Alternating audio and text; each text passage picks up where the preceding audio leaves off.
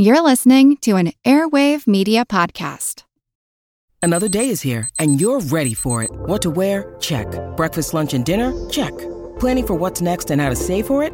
That's where Bank of America can help. For your financial to dos, Bank of America has experts ready to help get you closer to your goals. Get started at one of our local financial centers or 24-7 in our mobile banking app. Find a location near you at bankofamerica.com slash talk to us. What would you like the power to do? Mobile banking requires downloading the app and is only available for select devices. Message and data rates may apply. Bank of America and a member FDIC. When you need mealtime inspiration, it's worth shopping Kroger, where you'll find over 30,000 mouthwatering choices that excite your inner foodie. And no matter what tasty choice you make, you'll enjoy our everyday low prices, plus extra ways to save, like digital coupons worth over $600 each week. You can also save up to $1 off per gallon at the pump with fuel points. More savings and more inspiring flavors make shopping Kroger worth it every time. Kroger, fresh for everyone. Fuel restrictions apply. This is Kick Ass News. I'm Ben Mathis.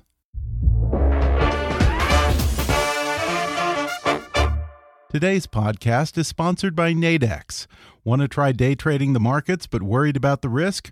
What if you could choose your maximum risk and reward up front? Well, now you can with binary options on Nadex. Trade global stock indexes, commodities, forex, even economic numbers, all from one account and always with limited risk. See why over 100,000 members choose Nadex. Find out more at nadex.com. Trading on Nadex involves risk and may not be appropriate for all investors. And now, enjoy the podcast. Hi, I'm Ben Mathis. Welcome to Kick Ass News.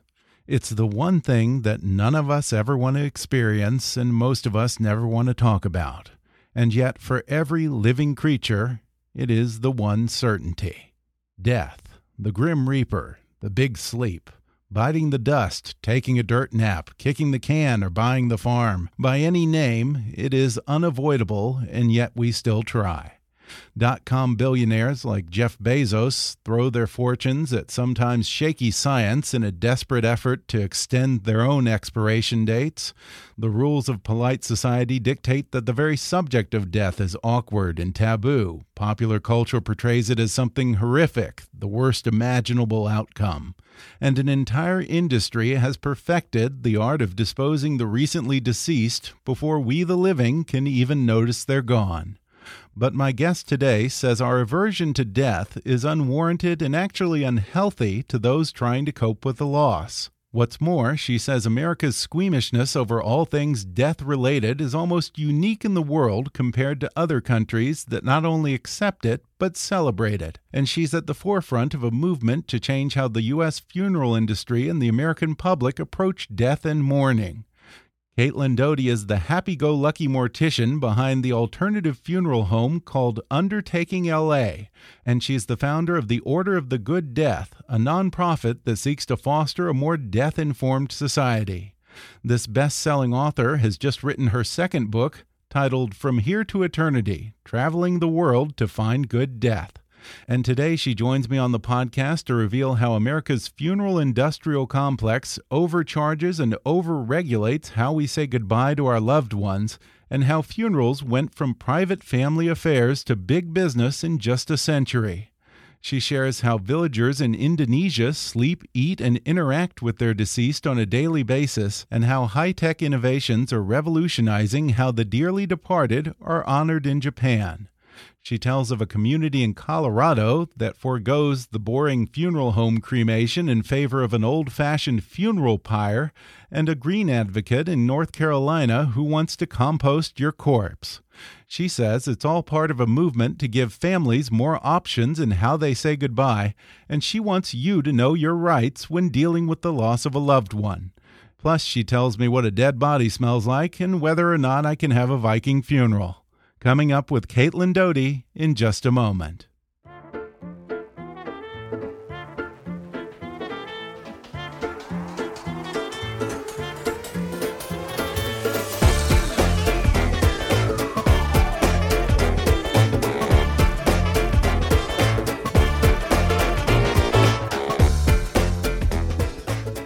Caitlin Doughty is mortician, activist, and self described funeral industry rabble rouser known for advocating death acceptance and the reform of Western funeral industry practices. She's the owner and proprietor of her own alternative funeral home, Undertaking LA, and she's the founder of the Order of the Good Death, an inclusive community of funeral industry professionals, academics, as well as artists who advocate for a more death informed society. She's also the creator and the host of the popular web series Ask a Mortician, which has garnered over 17 million views on YouTube, and author of the best selling book Smoke Gets in Your Eyes and Other Lessons from the Crematory. Caitlin Doughty has just completed her second book titled From Here to Eternity Traveling the World to Find Good Death. Caitlin, thanks for coming on the podcast. Thank you. Well, this was a very entertaining and eye opening book. You know, it's funny how we spend our whole lives trying to cheat the inevitable. You talk at length about how our society has done everything we can to avoid death and to push it out of sight. Is it more than a coincidence that you're releasing this book during the only time of the year, really, when people in America actually think about death, October? Are, yeah, are you talking about Halloween? Yes. it's so interesting. People, it doesn't matter when I put out the book, people will be will say, "Okay, we're holding the publicity until October 29th or Really? October 31st." And it's like, "Oh, I might as well just put out the book on October 31st." Yeah. And you know, what I do talking about death and talking about mortality and our relationship to mortality, that doesn't have a huge amount to do with Halloween, but it's Right. so interesting that that's really our only reference point for it in the United States and the fact that you know, I do like Halloween. It, the border between the living and the dead is thinned. You can you can interact with mortality in a mm-hmm. way that you might not normally be able to, even if you're the type of person who's like, ew, I would never talk about death. I would never do anything about death, but I'm a slutty ghost. You know, okay, well, if that's if that's your entry level to death and the idea of death, we welcome you and we hope that's a gateway drug for you to go deeper into addressing your own mortality. Yeah, well, I find it fascinating how Americans' attitudes toward death and funerals have changed over the past hundred years or so. Uh, we were just talking right before we started, kind of the dirty little secret that I don't think my listeners know. This has probably never come up is that we actually record this. My studio is in an old hundred year old funeral home. Um, in the old days, people would lay grandpa out in the parlor and bury him in the backyard or a churchyard. But then at some point, cemeteries were pushed to the outskirts of cities, and this relatively new idea of funeral homes came about that recreated the home funeral setting in a mortuary, even calling them funeral parlors, while at the same time, the parlor in your home suddenly became the quote unquote living room. How have we gone in such a short period of time from having very intimate family affairs to outsourcing our loved ones the moment they expire? That's a really great, succinct description you gave, and that's absolutely what's happened. And it's remarkable how quickly it's happened. So, really, if you know what embalming is, embalming is the chemical preservation of the dead body. And in America, that started during the Civil War. It was Northerners going down to fight in the South, dying on the battlefield, and families wanting to preserve their bodies to bring them back up north, which is a totally reasonable desire families took care of the bodies and they wanted to see their fallen sons once more. But what happened is that it very quickly became a business, even after the war ended. Chemical companies would travel around the United States selling their embalming chemicals and selling these workshops for people to learn how to be embalmers. And then it became okay, well, I'm a professional and I'm going to chemically preserve this dead body, and you, the family, are no longer qualified to do so. You've got to bring your body in. You've got to go to the professionals. And it was about the same time that hospitals were becoming professionalized. People weren't dying at home anymore. Slaughterhouses were becoming centralized. People weren't killing their own animals anymore. So, in one fell swoop, death which was such an intimate part of our lives, was removed from our society. And that's why we have this, you know, fast forward 100 years, that's why we have this distant, strained, only at Halloween relationship with death today. And this book, I guess, is just one cog in a movement that you're very much a part of to reject or at least offer alternatives to the funeral industrial complex. Uh, what are your biggest problems with modern commercial funeral homes? We call ourselves the, the death positive movement.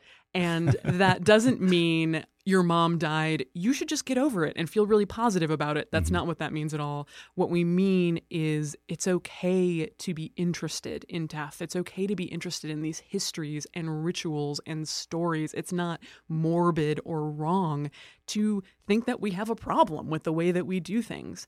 And my biggest problem with the industry is I explained a little bit about embalming. Most people have no idea that it's not legally required at all to embalm yeah. their loved one and that you can politely decline at the funeral home. But some funeral directors, not even trying to, they may not even know this themselves, but they'll tell the family, well, we'd love to to not embalm it, but unfortunately it really is the law. It really is the regulations, and that's just not true. So there's all sorts of things, you know, at a cemetery, they put big concrete vaults around the caskets and they'll tell families, well, it is a it is a requirement that we do that. It's not. It's their personal requirement. You really? could just it's That's completely the, legal. Policy. It's their policy. Huh. Because they want to make it easier to landscape the grass. Mm-hmm. so, which is totally true. I'm not making that up. and so, yeah, you can not chemically embalm a body. You can just dig a small shallow hole in the ground and wrap the body in a beautiful shroud and some flowers and put the dirt on yourself as a family. That's all totally legal. But as you said, the funeral industrial complex doesn't want you to know that. And I'm not claiming it's some vast conspiracy. They've just been doing it that way for so long. A lot of them believe it, that that is the only way to do it. But there's just people now who say, wait a minute, I want to be mm-hmm. more involved than that. I want more access to to spearheading this myself. Mm-hmm. This was mm-hmm. my mom. I don't want to just hand her over to someone else when I die. Yeah, and you talk about natural funerals where they just put you in a shroud and then lower you into the grave without a casket or any enclosure. Um, there's even someone who's modernizing it and trying to go green with burials and trying to compost corpses. Um, is there something of a libertarian revolt going on against this commercial funeral industry right now? There absolutely is. And what's fascinating about this is it's such strange bedfellows because mm -hmm. it's mm-hmm. really these these older very liberal, almost hippie types who want the natural burial. And their biggest allies are the libertarians mm-hmm. because it's this group saying, hey, you know, we, and, the, and the ones who are most responsible for actually changing the laws in America are the libertarian groups and libertarian lawyers because they're saying, hey, wait a second, why is the American funeral industry so heavily regulated to benefit these specific companies that yeah. young people can't enter the funeral industry? There's there's a concept really? called ready to embalm, which is my least favorite thing in the world. And what it is, I believe it's 29 states that have this. And it requires you, even if you don't intend to offer embalming at your funeral home at all, you have to be, quote, ready to embalm at any time. Huh. Like a body's going to fall from the sky and you've like got to emergency chemically preserve it. and you have to pay the hundreds of thousands of dollars it requires to set up wow. that kind of facility, even if you, it doesn't, it's not really? something you're going to offer at all. Oh, so it's impossible. Wow. The barrier to entry for a young yeah. funeral director or a minority funeral director or an immigrant funeral director mm-hmm. is so high that it's just impossible. And one of the one of the keystone libertarian cases was a group of monks in the South that after Hurricane Katrina was building these beautiful, simple wooden caskets and trying to sell them. And the funeral board went, oh, no, excuse me, you can't, you're not a funeral director, you're not licensed, you can't sell caskets. and they came in and, and sued and said, wait a second, yes, we yes, we can. This is a simple casket. It's not, you know, we're not talking about now we're handling bodies or we're in yeah. charge of this. All we want to do is simple sell simple caskets, but the funeral lobby is so strong that they weren't letting them do it. And didn't you say, I think this also kind of goes into some religious liberty territories because Muslims and Jews don't believe in embalming. They still have to go through all this and have the embalming equipment available. Yes. So even though they're never going to use it. yeah, that. So if you're a Muslim person and there's a big Muslim presence in your community and you're trying to open that funeral home and they, they Mm-hmm. don't believe they believe in burying the body very quickly Yeah. with no invasive like draining of the blood like Yeah. Judaism um, and just a simple burial. And the fact that you would say, okay, you have to go to two years to a mortuary school to mm. learn the ins and outs of embalming for something you're never going to offer, one, and two, isn't even legally required. What are you guys doing? They have they have such a specific industry and model that they're trying to preserve that and, and less and less people want it frankly mm-hmm. people don't want embalming Right. anymore people don't want these big funerals anymore they're too expensive and they just don't reflect I'm, not saying it's bad if you want that. Go, go ahead. It's certainly available to you but it's just not reflecting what people really want anymore in my opinion and just from what what i hear doing this work hmm It almost reflects kind of where millennials are going in general, moving away from the ownership society, not wanting to have a burial plot reserved for you, not wanting to have a, a big production and all that. You say that apparently cremation as a whole is on the rise. Now, how is the funeral industrial complex going to adjust to this? Because doesn't their whole business model revolve around selling burial plots and upselling you on the super deluxe titanium casket and that kind of thing? It does. And they for years cremation has been rising for years and they've they've seen the slow creep coming toward them mm-hmm. and you know, for, cremation has been around for so long but they still go, "Oh, it's it's it's coming. what are we going to do?"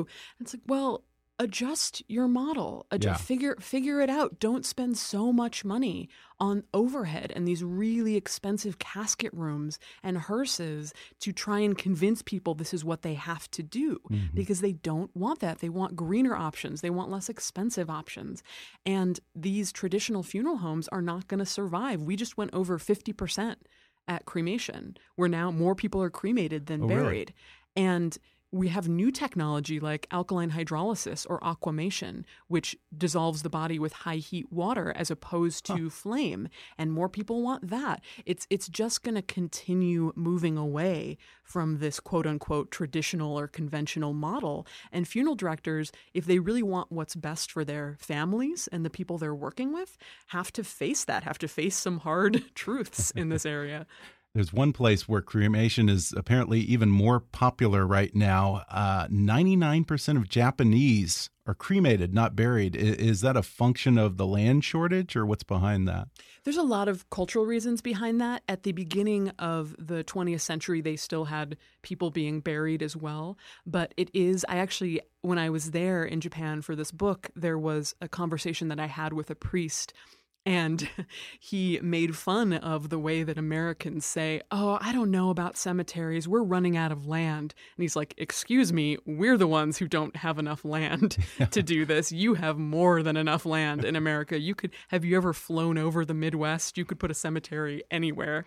And that's true. We we act like we don't have any land for cemeteries, but in, in Japan they they really don't have land and, and europe is like that as well so for years places in europe and japan have had much higher cremation rates than america has we've gotten away with for a long time with keeping the burial rate high because of the industry and because of the land that we have You know, here in the U.S., we have this idea of burial in perpetuity. Apparently, that's not that common outside the U.S. Uh, how does that work elsewhere, like in Europe?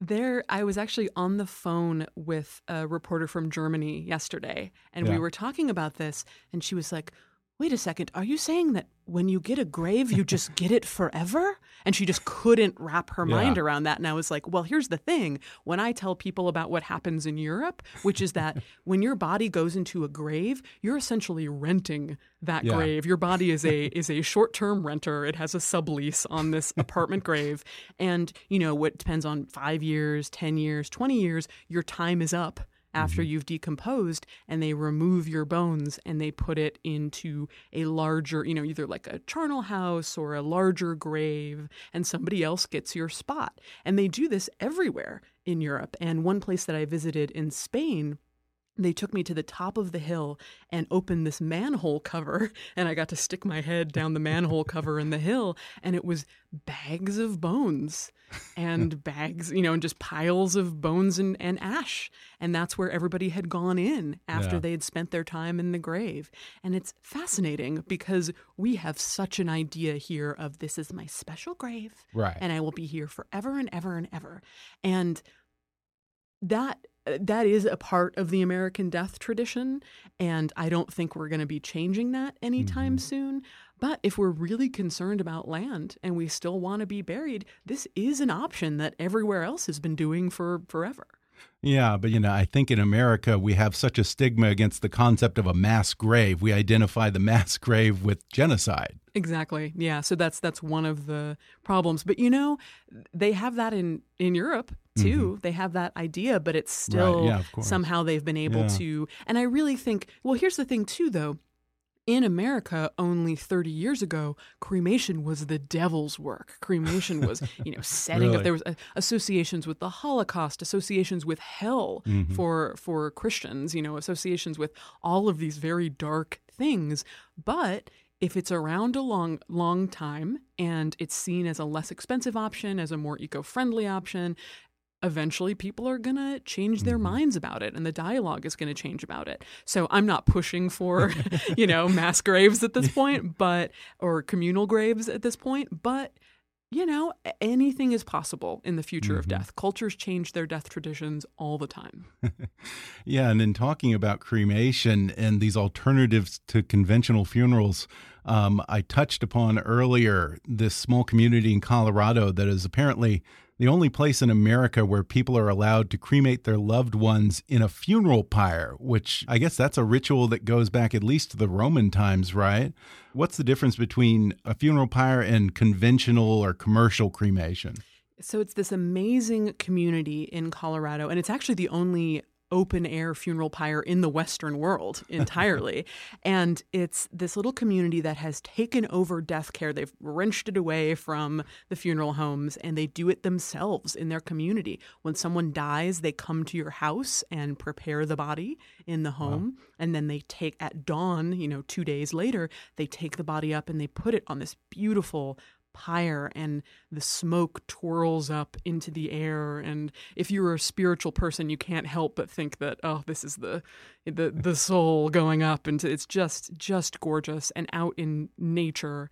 And it makes me so jealous and so sad as someone who has a funeral home in a big city like Los Angeles because we have to take our families to this industrial crematory. Mm-hmm. And I love when people come in to what's called witness the cremation mm-hmm. because I think that's a powerful ritual to be present for that. So we do encourage people to do that. But man, I wish I could take them out under the sky Yeah. and set their mother alight in this ancient way as opposed to putting them in this big natural gas guzzling industrial machine in a warehouse. That's not that's not my ideal. And i hope that we can really improve our crematories in america too because as i said 50 more than 50% of us are doing it now. We don't have to be it's like if everyone had to drive like a 1980 Dodge, you know, as opposed like no, we can do better than this. We, Yeah. we can it's we can make this more beautiful. We can make this more comfortable.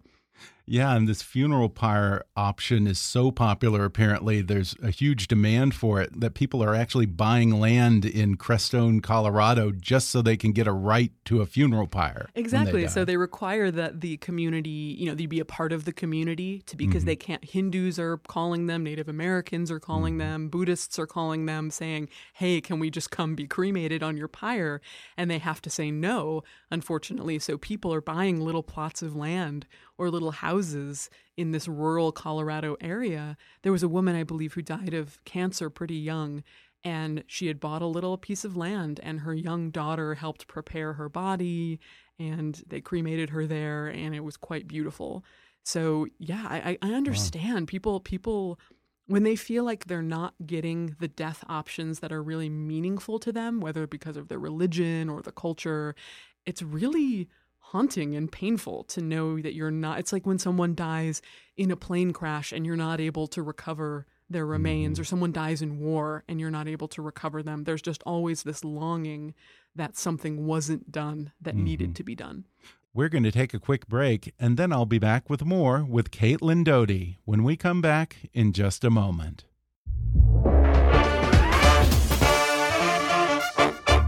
Warning if you're drowning in debt you can't afford, do not let the credit card companies convince you that you have to pay it all back, because you don't. What the credit card companies don't want you to know is that there's actually a way to get debt free without paying off your entire debt or going bankrupt. If you have $5,000 or more in credit card debt, you now have the right to let Credit Associates settle that debt for a fraction of what you owe. For free information, call 1 800 500 0351. They'll even show you how much money you could save. If you can't afford to pay off all your debt, don't let the credit card companies convince you that you have to. Call Credit Associates now for free information on how to get debt free faster than you thought possible without debt consolidation or bankruptcy. Credit Associates depends on your success and offers a guarantee, so there's no risk. For free information, call 1 800 500 0351. That's 1 800 500 0351. You give a number of examples of how around the world it's very common for the family to interact with the corpse, to wash and dress the body as part of the grieving process. One of the most interesting and amazing ones is this remote village in Indonesia where the corpse actually lives with the family sometimes i guess for years before they put it to rest how do they do that is it like weekend at bernie's or what is that like Uh, you, you went know, there yourself I, I was like, it, right? oh, it's not like Weekend at Bernie's. Actually, it sort of is like Weekend at Bernie's because what they do is when the person dies, they believe that the person is still alive. They have a they have a fever. They're not quite dead yet, and Hmm. they're still present somehow.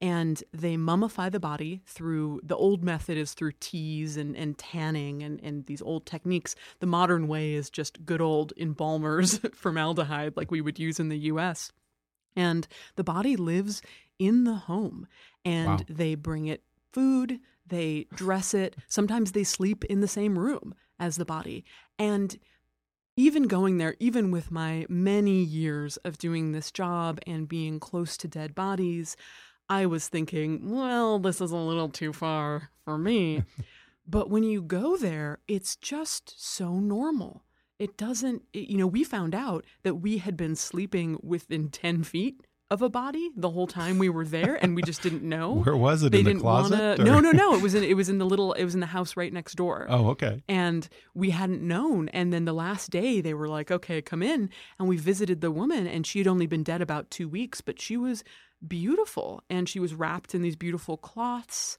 and she looked very well preserved.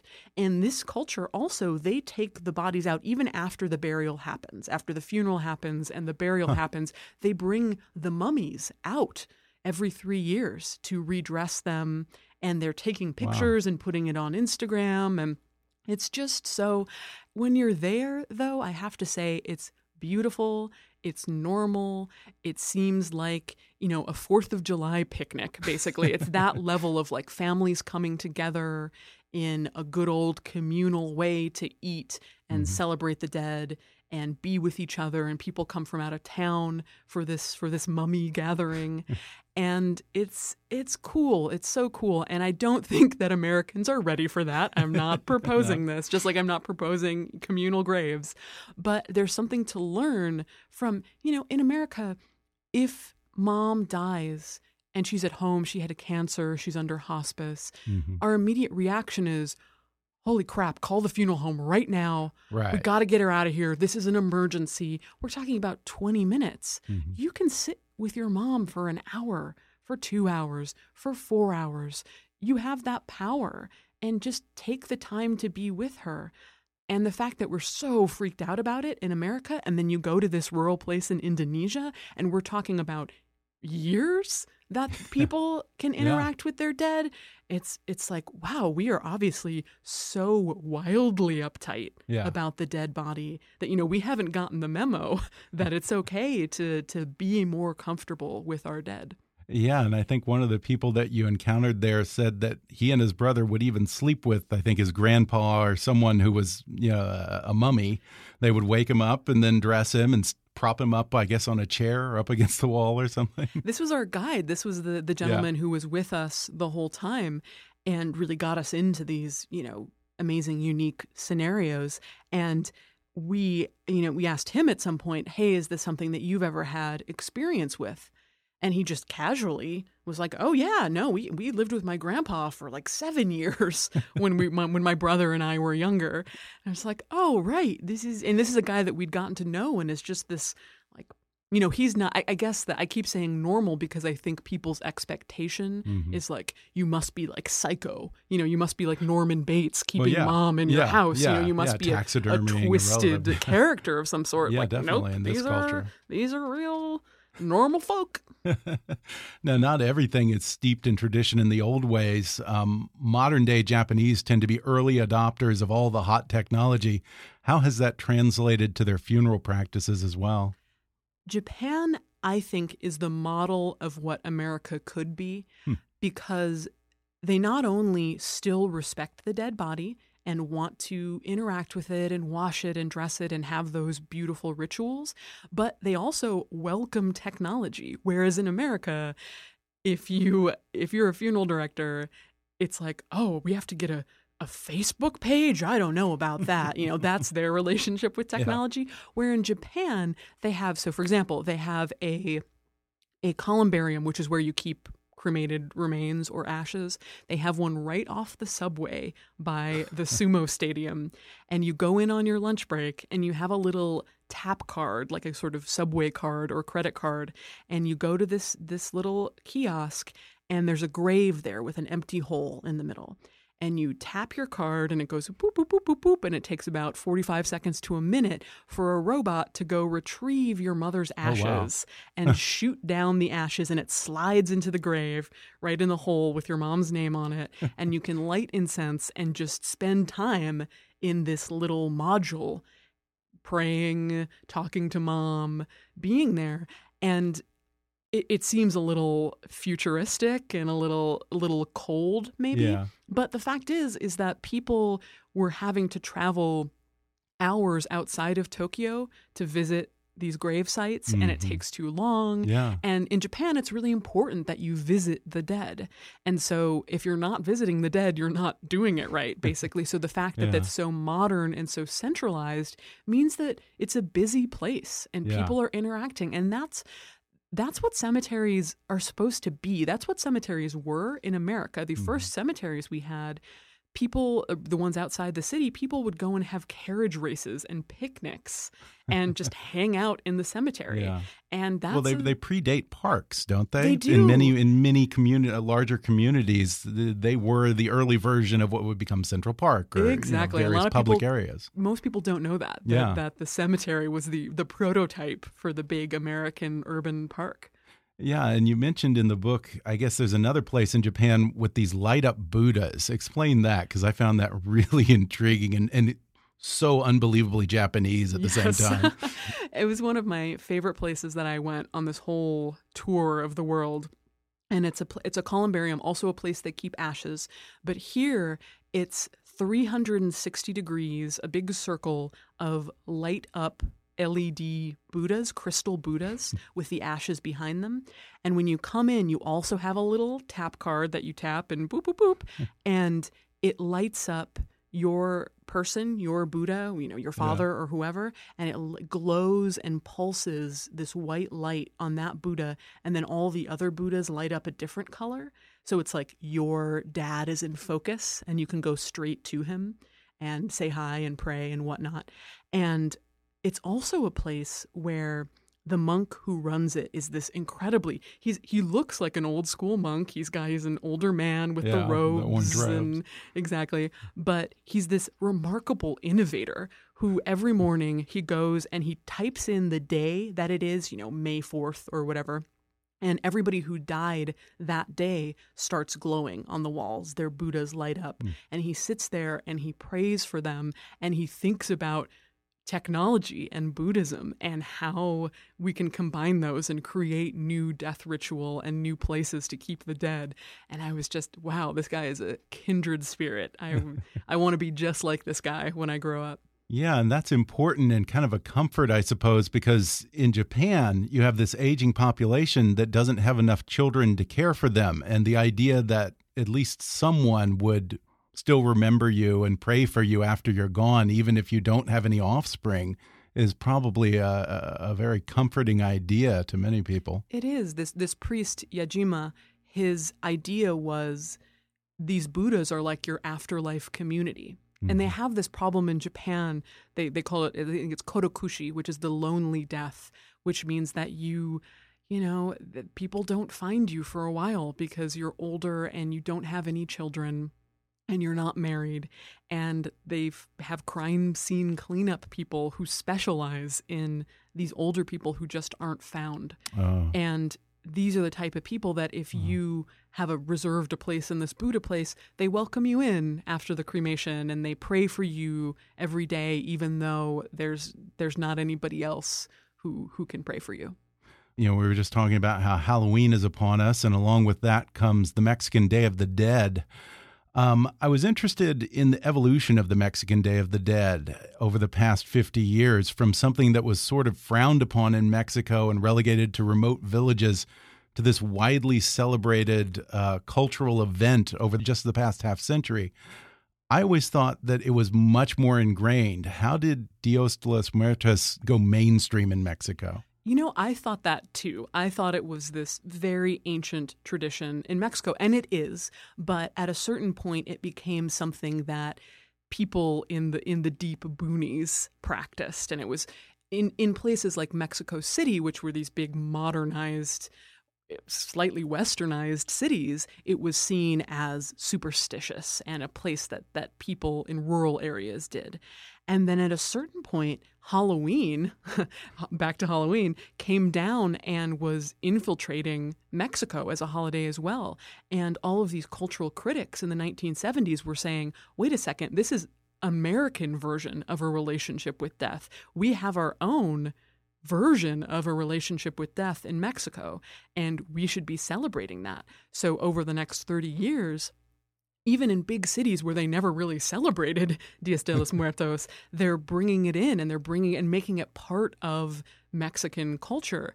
And the most stunning example of this is when I first arrived in Mexico City for Dias de los Muertos, there was this huge parade right in Mexico City. That was the Dias de los Muertos parade, and it was just the most amazing spectacle you've ever seen. The skeletons dancing down the street and shooting cannons of confetti, and it was just incredible. And it turned out this was a parade that had also been featured in the James Bond, the most recent James Bond movie.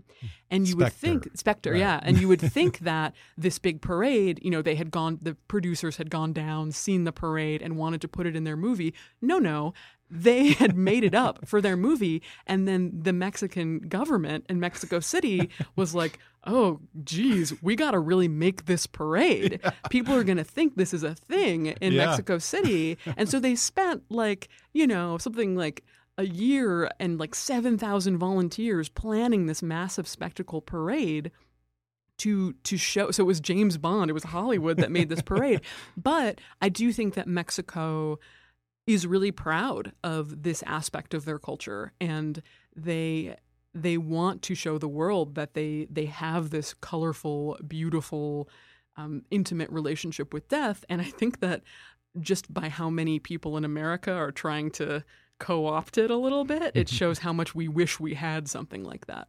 Yeah and you talk about the benefits of that intimate relationship with death um, I think you even have a specific example of a friend of yours uh, who I think she lost a baby and found some solace in reconnecting with these aspects of death in her own Mexican culture, like Dios de los Muertos and the paintings of Frida Kahlo.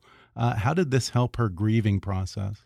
So, this is my friend Sarah Chavez, who is Mexican American, grew up in East Los Angeles, and she'd always known about her Mexican heritage, but she wasn't allowed to fully practice it, as many you know, immigrants to America really aren't. And she lost a child in a very tragic way. And she went down to Mexico for Day of the Dead the first time, I believe, three or four years ago, and was like, wait a second.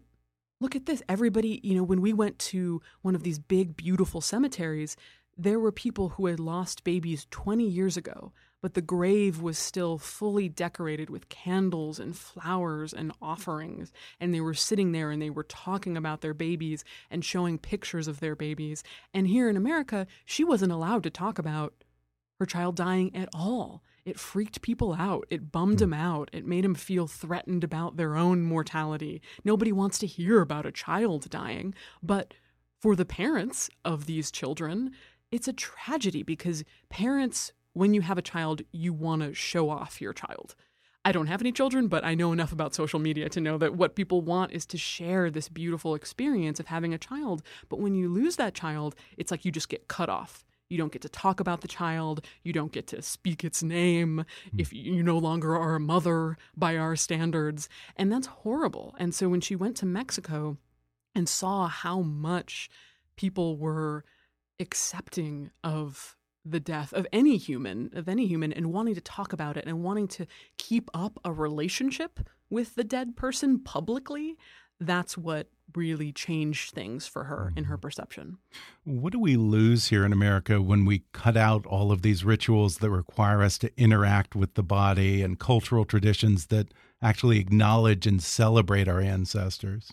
Yeah, that's that's the core of what I do. I think we lose so much and it's so heartrending because it's so easy to get back. It's right at the tip of our fingers. It's legal and safe to do all of these things. And yet we have a funeral industry and a culture that's acting as a gatekeeper and telling us not to do it.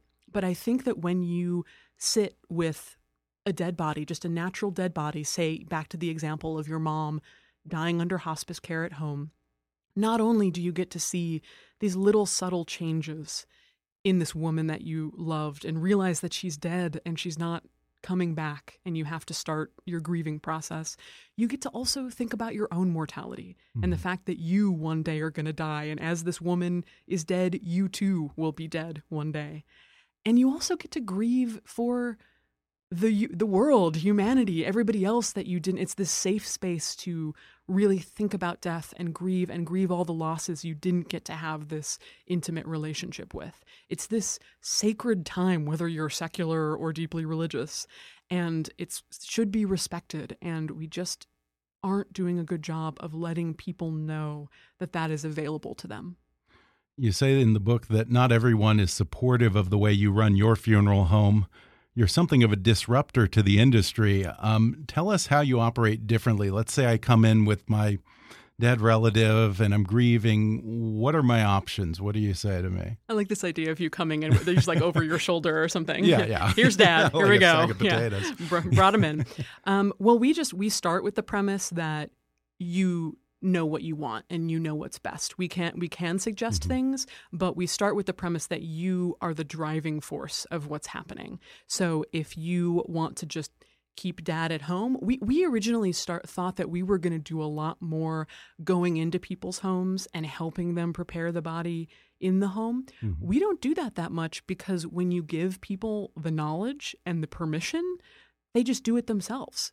Mm-hmm. You might say, really? you know what? We, will we'll tell you, hey, if your dad dies at home, mm. you just give us a call whenever. You know, if you have any questions, by all means, call us. But until you're ready. And you might call wow. us three hours later. You might call us 24 hours later. You might call us two days later. You just take the time you need. Invite people over, hang out, have a beer, talk about what a great guy dad was or what mm-hmm. a shit dad was, you know, depending on how you feel about him. And that's on that's on you. That's your personal choice. And then if you want to show up we have a green cemetery that we partner with in Joshua Tree that does the natural burial we were talking about. Right. If you want to go in and you want to dig that dirt and put it right on the shrouded body, wow, you can you do, do that. that. Yeah, absolutely. you're out in the desert and you're putting that dirt right on the body. If you want to show up at the cremation and push the button to to light up the machine, we want you to You do have that. that right. We have you have that right, mm-hmm. and we encourage you to do it. Mm-hmm. And so I think just the thing that sets us apart is that we start with the idea that yeah, we're the professionals, we have the licenses, we're legally allowed to to offer this service, but you know what's best for your mm-hmm. own family and for your own dead loved ones. I have to ask then, how do you want to go when you die? I think it changes. I, Yeah. I always try and keep an up to date document on my computer of what I want. But um, right now, I would love just um, to practice what I preach and have a, a wake at home and then a natural burial. Okay. Just my body straight in the earth. The idea of decomposing and having being food for worms, I find incredibly comforting. I think it's beautiful. I think it's. Um, I'm, I'm not a religious person, so it's kind of my own religion. The idea of of going back into the earth where I came from. And so, yeah, that brings me a lot of comfort. Yeah. And I'm not excited to die, but if I do die, I, I think that that I would be pleased that that's how I went. Well, there's one option that I don't think is allowed right now in America, but you say if you given your druthers, you would go for what's called a sky burial, Oh, right? yes, or a yes, sky yes. funeral. Yeah. What, what I- is that? if I really had what I Yeah. wanted, um, I would I wouldn't even be buried. I would be laid out above the ground to be eaten by animals. Yeah, and that's a that's a thing that they do in India. They do it in Tibet. Yeah. So it's happening right now. It's not like some ancient thing. Um, but the idea of you know I I don't eat a lot of meat now, but I I Mm-hmm. used to eat all, all the meat.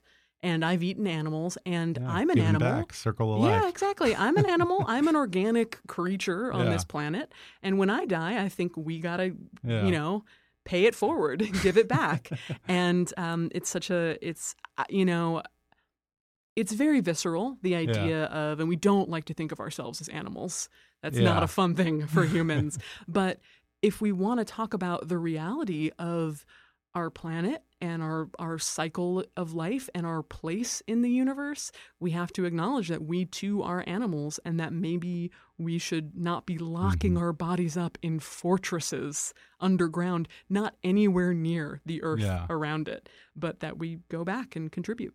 Yeah, sky funeral sounds really nice. I mean, if you sell someone on the sky funeral option, then they, Taking- then they ask, "Whoa, whoa! By the way, what is it?" Yeah, how do you go? Do you just Oh, shoot, my shoot bones are you up into the sky? Ah, of vultures. Yes, Oh, vultures okay. eat you and carry you up into the sky. Yeah. Got it.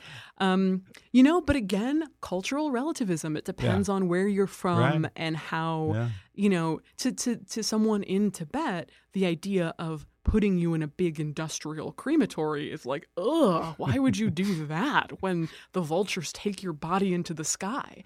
You know, so it's all it's all where you're from and how you look at it. I'm curious. Is there any regulation that says I couldn't have a Viking funeral where they, you know, where they traditionally set you off in a boat and then set the boat on fire? There's a couple problems with this. I hate I don't want to burst Uh-huh. your bubble here at the end, but the problem one is that that's really more of a Hollywood conception Oh. than real Oh, really? That's real not a real history. thing? Not not so Oh, much. I man. mean, there's some records of it being done, but it's not really the the thing they traditionally did. Okay. And the second issue is that, you know, with a pyre, they continuously add wood Oh, throughout the process. So if you're just in like a dinghy, what happens is the boat out. burns up like Yeah. that, and then you have your half charred body kind of bobbing around in the water. So it's not quite as romantic. But you know what? If you had, say, you were cremated first, and then we Mm-hmm. could put your ashes on a boat and then set your, I know it's not as fun, but like you could still set something on fire, which is Yeah, fun, and push that out. And then your ash, if you want to do a sea scattering, instead of scattering it, Yeah. you set it out on a little flaming boat, I want a and then the boat funeral. burns. You know, okay. it's the so Coast Guard. Isn't it the Coast Guard's do- problem at that point if it doesn't do burn? is we could build you a pyre on a boat. oh, okay. So we'd have Okay. to, you know, it- it'd be hard, but okay, this is complicated. you know, I want you to live your death dream. Well, before we go, I just have to ask this. This has been the burning question that's been on my mind since I started reading this book. In the movies, especially in war movies, they always talk about the stench of death. As a mortician, tell me honestly, what does a real dead body smell like? Okay, so a real dead body for the first two or three days, people always think, a body's immediately decomposing after they die. Mhm. They're not. You have Really? a nice little period of time, especially if you put the body on some ice. You have a nice long time where it's totally fine and you can't even really they just look kind of look like they're sleeping. You're fine. Okay. But if a body isn't put under refrigeration and isn't found for, you know, 3 or 4 days, yeah, decomposition is a smell that you do not forget. It's it's I describe it as like a bucket of orange peels and fish like left out in the sun with some white wine on it. It's just this sickly sweet licorice really? yeah it's sweet but not Oh, in wow. a good way not in like a lollipop way like in a in a sickly uh licoricey I mean if you've ever walked by a dumpster Yeah. and gotten that hit of that really Yeah. sickly sweet rotting Yeah. meat or fruit or garbage smell Uh-huh. it's kind of like that except uh, except a human it's not my favorite part of the job let's say that Does it smell kind of ammonia-y? Um, it can, um, but I think it's a very it's a very natural smell that we kind of Yeah. put in. it. It's weird because you try and at a certain point it gets to the fridge or it gets to the morgue, Mm-hmm. and you're putting it in this sort of medicalized environment, but it's just this piece of of rotting rotting meat. Of course, it was a human, but at that point, nature has taken over, and Yeah. it's this sort of Wow. What a fun note to end on. I was just going to say, you know, what a great thing for everyone who just listened to this podcast before they go to lunch. yeah, exactly. You usually note- have such nice normal people on your podcast. And, Well, it's been a delight nonetheless. The book is called From Here to Eternity Traveling the World to Find Good Death. Caitlin Doughty, thanks for joining me. thank you so much for having me. Today's episode was sponsored by Nadex. Want to try day trading the markets but worried about the risk? What if you could choose your maximum risk and reward up front? Well, now you can with binary options on Nadex. Trade global stock indexes, commodities, forex, even economic numbers, all from one account and always with limited risk. See why over 100,000 members choose Nadex. Find out more at nadex.com. Trading on Nadex involves risk and may not be appropriate for all investors. Thanks again to Caitlin Doughty for coming on the podcast. Order her book, From Here to Eternity Traveling the World to Find Good Death on Amazon, or download the audiobook at audible.com. Check out her popular Ask a Mortician videos on YouTube. Visit CaitlinDoughty.com for more information or orderofthegooddeath.com and follow Caitlin on Twitter at, at @thegooddeath. Also, if you haven't already, be sure to subscribe to Kickass News on Apple Podcasts and rate and review us while you're there. And please take a moment to take our listener survey at podsurvey.com/kick so we can get to know who's listening and it's also helpful with our advertisers. Like us on Facebook and follow us on Twitter at, at KickassNewsPod. And as always, I welcome your comments, questions, and suggestions at comments at kickassnews.com. For now, though, I'm Ben Mathis, and thanks for listening to Kickass News.